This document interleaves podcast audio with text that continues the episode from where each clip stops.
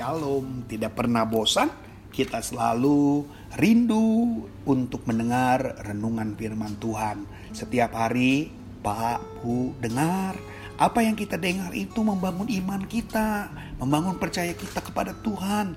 Kalau saudara dalam keadaan senggang, buka terus pocket kita. Dengarkan dari awal terus.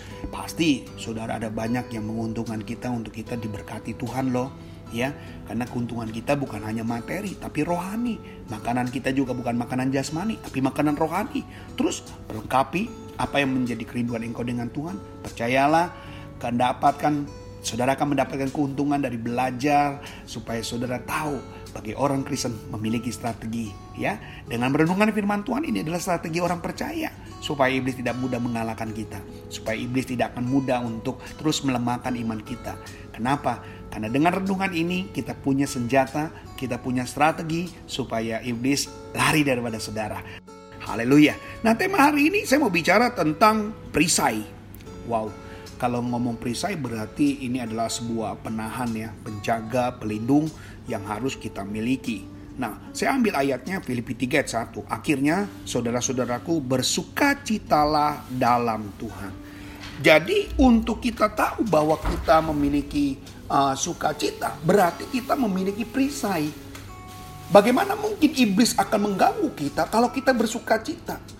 Jadi iblis tidak akan pernah mampu untuk mengalahkan saudara. Iblis tidak akan mampu untuk uh, membuat saudara menjadi mundur. Kenapa? Karena ada sukacita. Justru ketika kehilangan sukacita, sukacita melayani, sukacita berdoa, sukacita baca Alkitab, sukacita beribadah, sukacita segala-galanya berarti ada celah untuk iblis masuk. Ada celah untuk iblis goda. Jadi kalau saudara penuh dengan sukacita, saudara terus berbahagia, saudara terus bergembira dan intim dengan Tuhan, iblis nggak punya peluang. Dia bilang dia melayani banyak waktu, tapi dia sukacita loh. Dia melayani begitu banyak kegiatan, dia sukacita loh. Dia banyak memberi kepada Tuhan dan berkorban, dia sukacita. Saya ingat istri saya, Ibu Uni itu selalu hari Rabu dia mempersiapkan diri untuk membuat makanan untuk ibu-ibu. Saya lihat sudah hampir tiga, empat, uh, tiga bulan ini berjalan dia selalu membuat dan setiap Rabu dia tidak pernah lupa untuk membuat makanan buat ibu-ibu. Nah, kenapa dia lakukan? Kalau dia berdasarkan hanya untuk pujian, itu sifatnya sementara. Tetapi karena dia suka cita, dia walaupun capek, walaupun lelah, walaupun banyak uang yang harus dikeluarkan, ya itu tidak pakai uang kas tapi dia pakai uang pribadi sendiri dia lakukan. Itu dia lakukan karena dia punya sukacita. Itu adalah sebagai pelindung perisai.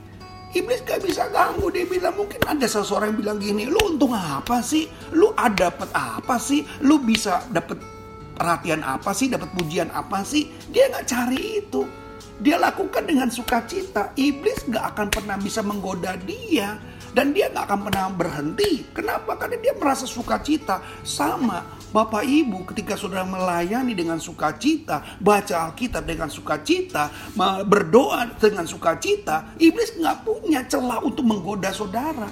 Miliki sukacita. Karena sukacita adalah sesuatu yang nggak bukan dari iblis, bukan dari manusia, tapi Tuhan yang beri.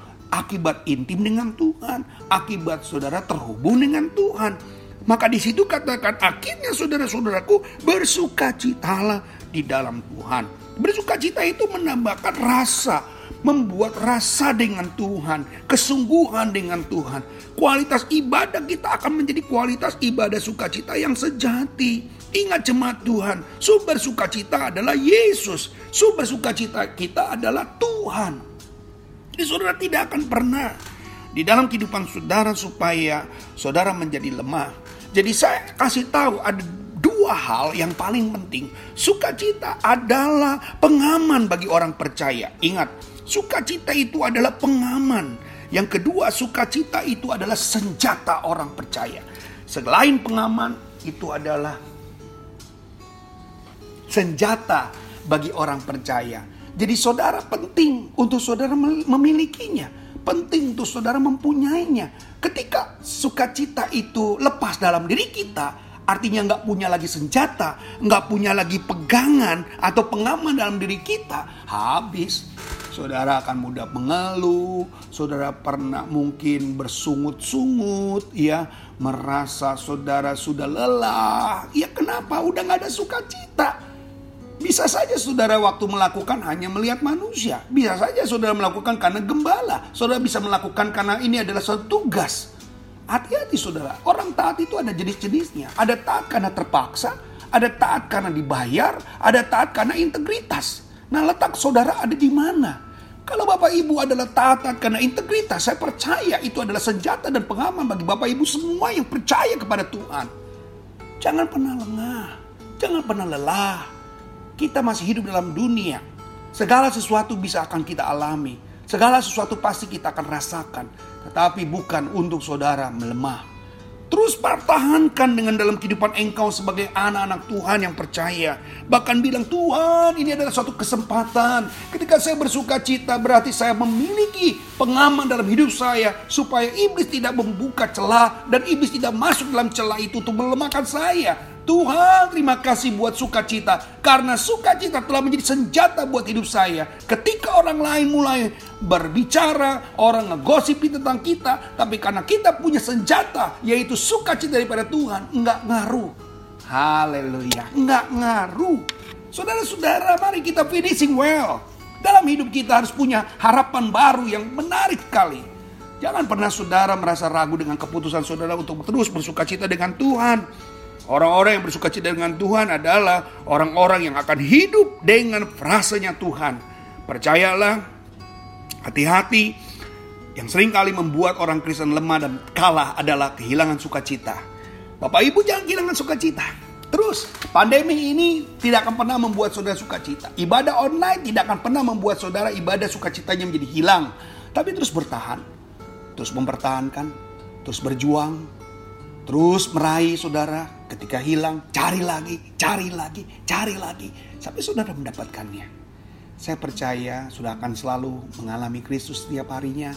Diberkati setiap harinya. Dan Tuhan Yesus tidak akan pernah meninggalkan saudara. Jaga pengaman saudara.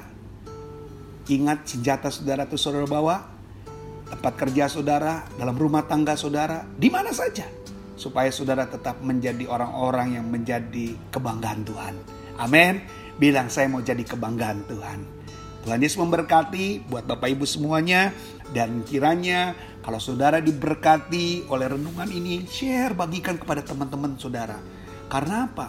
Dengan cara itu, saudara juga membuat orang punya senjata sehingga dia tidak boleh kehilangan sukacita supaya mereka juga punya sukacita.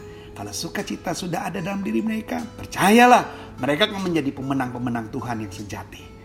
Tuhan Yesus memberkati. Buat jemaat Tuhan semuanya, Shalom. Sampai jumpa esok hari. Kiranya damai sejahtera dari Allah Bapa, kecintaan dan kasih karunia Tuhan kita Yesus Kristus, persekutuan serta penghiburan dari Roh Kudus menyertai kita sekalian mulai hari ini sampai Maranatha Tuhan Yesus datang. Amin.